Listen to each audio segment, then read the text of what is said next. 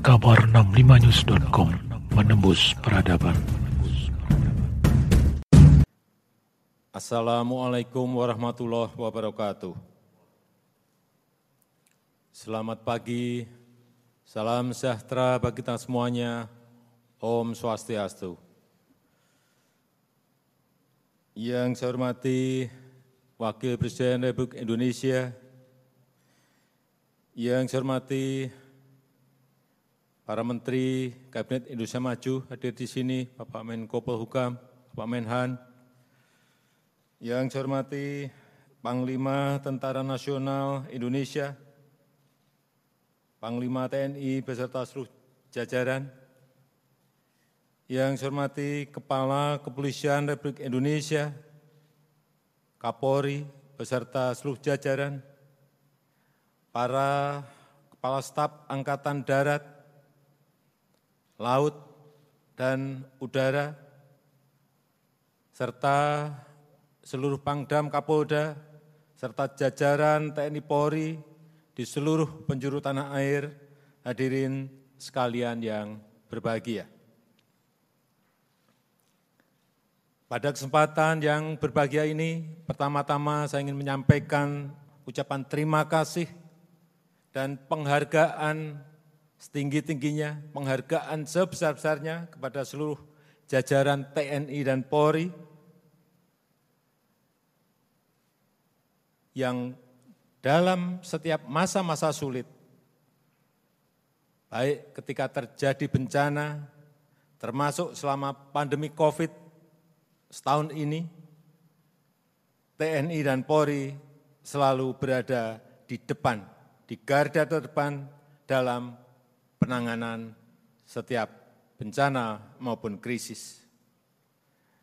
Setiap langkah kita bukan hanya untuk menyelesaikan krisis, tetapi di setiap krisis selalu ada hikmah dan peluang ini yang harus kita manfaatkan untuk kemajuan bangsa.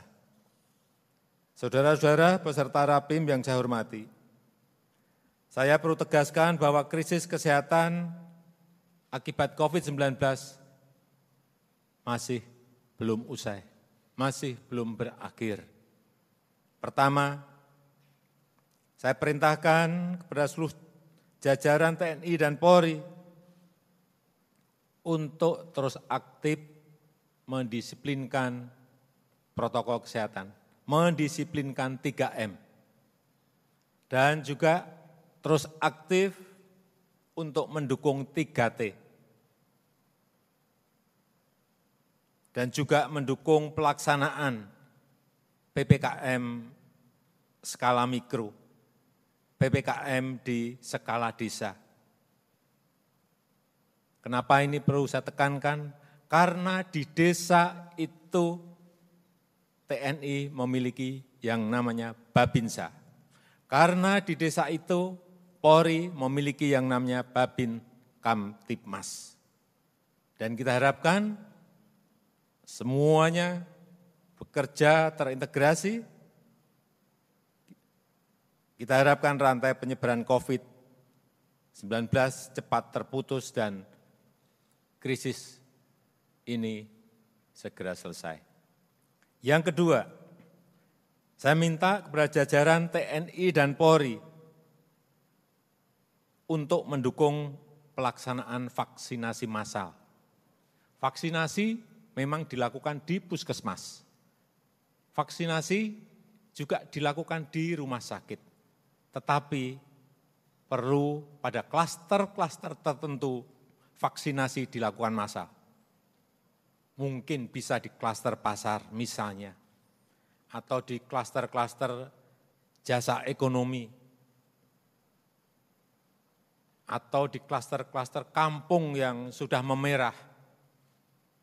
Karena kecepatan itu dimiliki oleh TNI dan Polri dalam mengelola setiap kedaruratan atau krisis yang ada. Saat ini pemerintah sedang terus berupaya keras untuk memperoleh vaksin dari berbagai negara. Tapi yang datang memang baru dari satu negara, tapi kita berusaha dari beberapa negara. Dan itu juga menjadi rebutan 215 negara. Ini yang kita harus sadar. Tidak mudah mendapatkan yang namanya vaksin sekarang ini.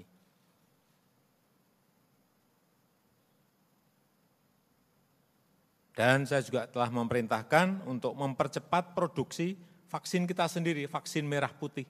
Tetapi juga ini ternyata memerlukan waktu. Mungkin baru akhir tahun. Insya Allah bisa diproduksi.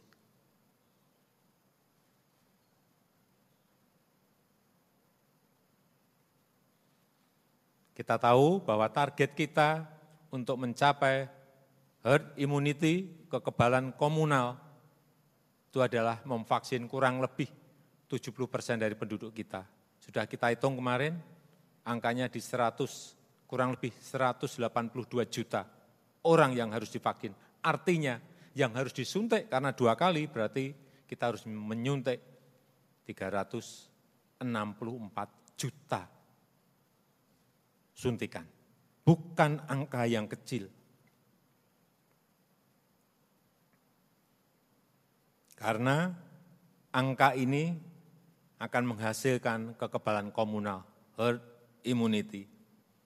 Oleh karena itu, saya minta jajaran TNI dan Polri untuk cepat bergerak membantu vaksinasi agar segera bisa kita selesaikan. Dan saya juga minta TNI Polri juga mengawal distribusi pengamanan vaksin untuk menuju ke daerah-daerah. Kemudian yang ketiga, saya minta jajaran TNI dan Polri aktif mendukung iklim usaha dan iklim investasi yang kondusif. Karena sekarang yang dibutuhkan adalah kesempatan kerja, peluang kerja, lapangan kerja yang banyak tergerus karena pandemi COVID. Oleh sebab itu, perkokoh stabilitas politik dan keamanan. Ini penting banget, penting sekali. Berikan kepastian hukum. Karena sekali lagi iklim usaha itu, iklim investasi itu sangat penting karena akan mendongkrak pertumbuhan ekonomi kita menjadi positif. Para peserta Rapim yang saya hormati, yang saya banggakan. Selain sektor kesehatan dan perekonomian, kita juga harus serius memperbaiki bidang sosial, bidang budaya, bidang politik, dan bidang pemerintahan. Oleh karena itu, keempat, saya minta kepada jajaran TNI dan Polri untuk selalu menghormati dan menjunjung tinggi demokrasi, serta memberikan rasa keadilan kepada masyarakat. Negara kita adalah negara demokrasi yang menghormati kebebasan berpendapat dan berorganisasi. Negara kita adalah negara hukum yang harus menjalankan hukum yang seadil-adilnya, melindungi kepentingan yang lebih luas, dan sekaligus menjamin rasa keadilan masyarakat. Belakangan ini saya lihat semakin banyak warga masyarakat yang saling melaporkan. Ada proses hukum yang dianggap kurang memenuhi rasa keadilan. Tetapi memang pelapor itu ada rujukan hukumnya. Ini repotnya di sini antara lain Undang-Undang ITE. Saya paham Undang-Undang ITE ini semangatnya adalah untuk menjaga ruang digital Indonesia agar bersih, agar sehat, agar beretika, dan agar bisa dimanfaatkan secara produktif. Tetapi implementasinya, pelaksanaannya jangan justru menimbulkan rasa ketidakadilan. Oleh karena itu, saya minta kepada Kapolri agar jajarannya lebih selektif sekali lagi, lebih selektif mensikapi dan menerima pelaporan pelanggaran undang-undang ITE. Hati-hati, pasal-pasal yang bisa menimbulkan multi tafsir harus diterjemahkan secara hati-hati. Penuh dengan kehati-hatian. Buat pedoman interpretasi resmi terhadap pasal-pasal Undang-Undang ITE, biar jelas. Dan Kapolri harus meningkatkan pengawasan agar implementasinya konsisten, akuntabel, dan berkeadilan. Kalau Undang-Undang ITE tidak bisa memberikan rasa keadilan,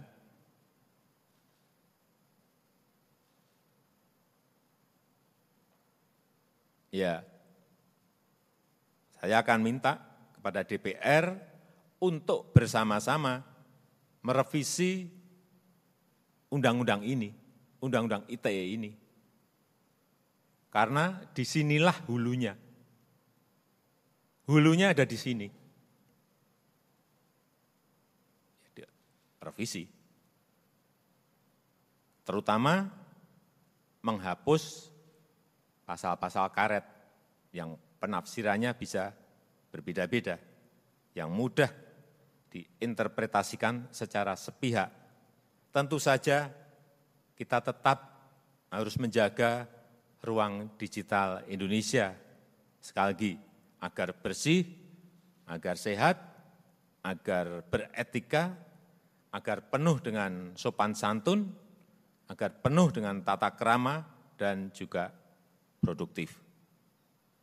Terakhir, yang kelima, saya minta kepada TNI dan Polri untuk menjadi institusi yang semakin profesional dan bekerja secara sinergis. Jadilah organisasi modern dengan tata kelola yang baik, yang transparan, yang akuntabel, yang bebas dari tindak pidana korupsi. Teguh kepada Pancasila, manfaatkan perkembangan ilmu pengetahuan dan teknologi dan bekerjalah sekali lagi secara sinergis untuk melindungi kepentingan masyarakat, kepentingan rakyat, kepentingan bangsa, kepentingan negara. Profesionalitas dan sinergitas antara TNI dan Polri akan menjadi penjaga kekuatan dan inovasi bangsa menuju Indonesia maju. Saya rasa itu yang bisa saya sampaikan pada kesempatan yang baik ini. Terima kasih. Wassalamualaikum warahmatullahi wabarakatuh. Kabar 65news.com menembus peradaban.